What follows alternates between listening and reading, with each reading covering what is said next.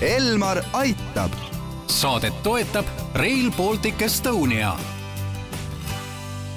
tere, head kuulajad, eetris on Elmar Aitab ja et aasta kaks tuhat kakskümmend üks on kohe-kohe läbi, siis vaatamegi otsa uuele aastale ja sellele, millised on uue aasta olulisemad küsimused Rail Balticu projektis. mina olen Ingela Virkus ja koos minuga on stuudios Rail Balticu raudtee infrastruktuuri projektijuht Heigo Saare, tere! tere! No aasta lõpus vaadatakse ikka tehtud tööle otsa, alustame sellest, et mis on olnud kahe tuhande kahekümne esimese aasta olulisemad hetked võib-olla siis Rail Balticu projektis projektis on olnud väga töine aasta, kaks tuhat kakskümmend üks. sisenesime tõsiselt ehitusturule, alustasime mitmete ristete, ülepääsude, viaduktide ehitamisega ja, ja sellega jätkame ka äh, jõuliselt järgmisel aastal. Et üle Eesti on näha erinevaid siis ökoduktide ja viaduktide valmimisi, äh, ehitamise alustamist samuti valmisid siis Ülemiste suurte te,, suurte terminalide põhiprojektid, et liikuda edasi siis äh, ehitushangetega, mis on ka järgmise aasta siis äh, üks fookustest. jätkame põhitrassi projekteerimisega ja järgmine aasta, nagu ma ütlesin, on äh, eeskätt siis ehitus, ehitusaasta erinevate riistete osas ja ehitushanked juba, et aga ära ei saa, ära ei saa unustada seda raudteehalduse poolt, et alustati ka siis kolme siis riigiettevõtte vahel äh, Eestist, Lätist ja Leedust siis selle haldusmudeli kokkupanemisega, et äh, väga toimekas aasta oli. aga kuidas kulgevad täna ettevalmistused raudtee haldamiseks? no see ajalugu on äh, vähe pikem, et juba kaks tuhat kaheksateist, üheksateist, kui selle uurimisega alustati, siis tegelesid sellega riikide ministeeriumid, tänaseks on siis kõik kolm äh, ettevõtet, äh, kes Rail Balticu ehitamise eest äh, igas riigis vastutavad, saanud ka mandaadi siis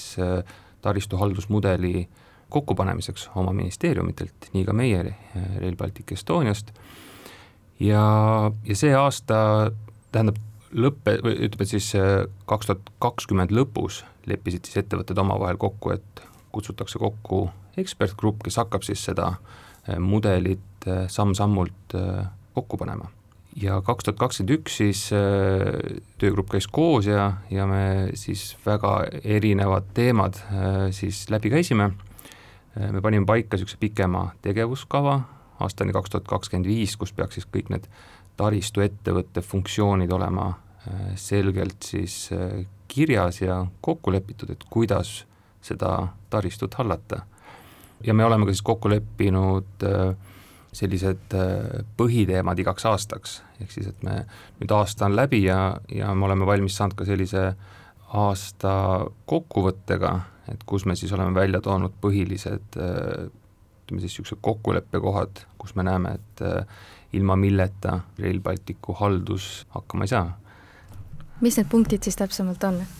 mis te välja olete toonud? ütleme, et äh, kogu see teemade hulk on hästi kirev ja lai, et äh, alates ütleme sellisest ühtsest äh, teenuse kvaliteedist, et igas riigis peaks olema nagu samadel põhimõtetel, siis kogu see liiklusjuhtimise pool, et kuidas liiklust juhtida, seda peab toetama siis kogu see äh, taristu ja infra samamoodi, siis äh, kogu kasutustasude äh, raamistik, turule sisenemise raamistik, et kui veoettevõtjad soovivad Rail Balticu liinil sõita, siis see peab olema võimalikult mugav ja sisuliselt eh, see peab olema ligipääsetav nii-öelda ühest aknast, et ei käida eh, kolme riigi ettevõtte juures eh, asju ajamas, vaid et ja samamoodi hooldusküsimused, ohutusküsimused ja kogu siis ütleme siis see muu taristu, mis sinna Rail Balticu põhitrassi juurde kuulub, et kuidas siis seda ka hallata. aga niisugused olulisemad märksõnad, mida me oleme Äh, või see põhiprintsiibid, milles me oleme nagu saanud kokku leppida, on see, et nii-öelda turule sisenemise aken on üks, on ju, et sealt on siis see kogu teenuste pakett, mida äh, veoettevõtjad taristuettevõttelt siis äh, soovivad, see on siis nii liiklusjuhtimisteenus, läbilaskevõime teenus, tasustamise süsteem Äh, ja väga praktiline näiteks ka opereerimiskeel, et mis keeles me siis äh, seal äh, võrgustikul räägime, et on mõistlik ühtne keel rakendada, näiteks inglise keel, aga samas meil toimub ka nii-öelda kohalik liiklus, et, et kuidas siis seda kohalikku keelt ja seda ütleme siis rahvusvaheliste liinide puhul inglise keelt siis nagu koostoimena panna, et see on nagu, on see väljakutse selles, selles osas näiteks, et äh, samuti, äh, mis me nii-öelda kokku oleme leppinud, et äh, peab olema selline ühtne hooldusmudel, ehk siis, et mida tehakse koos, mida tehakse ise, mida tellitakse väljast, et jah, ja nagu ma ütlesin, et, et väga oluline on see ühtne nii-öelda võrgustikule sisenemine, see teenus, et siin on räägitud nii-öelda ühest taristuettevõttest, et selline organisatoorsest vormist, et kuidas seda ülesannet lahendada, et taristu haldusküsimust, et äh, seda on võimalik nagu erineval viisil lahendada, et kas sa hakkad nii-öelda organisatoorset äh, struktuuri looma või või hakkad nii-öelda funktsioonidest pihta, et, et kui, kui meil nii-öelda see kaks tuhat üheksateist äh, analüüs valmis, mis eelistas või soovitas kasutada siis ühtset organisatsiooni, ühte organisatsiooni siis taristuhaldusküsimustes, siis siis no ütleme, et see oli ka niisuguses ideaalses maailmas valgelt lehelt mudel, mis mida saab nii-öelda osalt ka täna ära kasutada, et see eesmärk on üks täna kolmel riigil, kes seda, seda mudelit kokku panevad, et me peame nii-öelda veoettevõtjatele, reisijatele pakkuma sellist teenust, et nad ei tunneta seda piiri siis Eesti-Läti vahel, piiri Läti-Leedu vahel ja, ja nii edasi, et aga kuidas raudteetasudega on ja mida need siis või kuidas need siis äh, piletihindu hakkaks mõjutama? raudtee kasutustasud on täiesti äh, omaette maailm, ma ütleks, et äh, see on hästi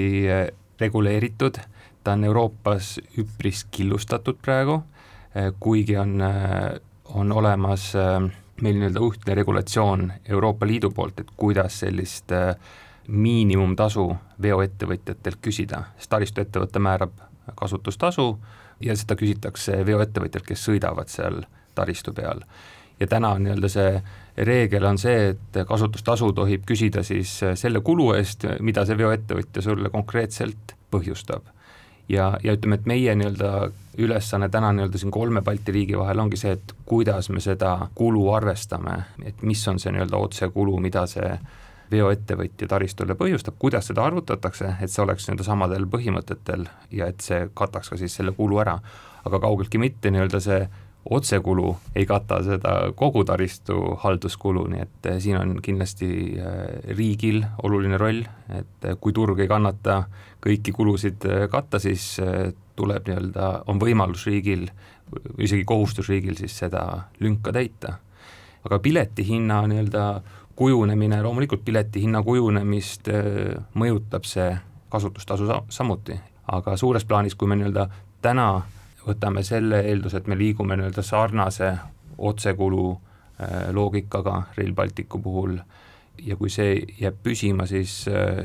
ja me ütleme, seda efektiivselt korraldame nii-öelda ka liiklust ja ütleme, see tegevuse kulu on optimeeritud, et siis kindlasti nii-öelda annab see ka positiivse sisendi piletihinnale. et see on kompleksne teema, aga lahendatav ja kindlasti käime kaasas ka siis nende arengutega, mis äh, EL-is kogu selles äh, taristu tasudes on ja jälgime seda maailma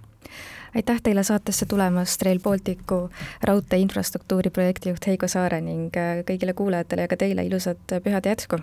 aitäh, häid pühi kõigile! Elmar aitab saadet toetab Rail Baltic Estonia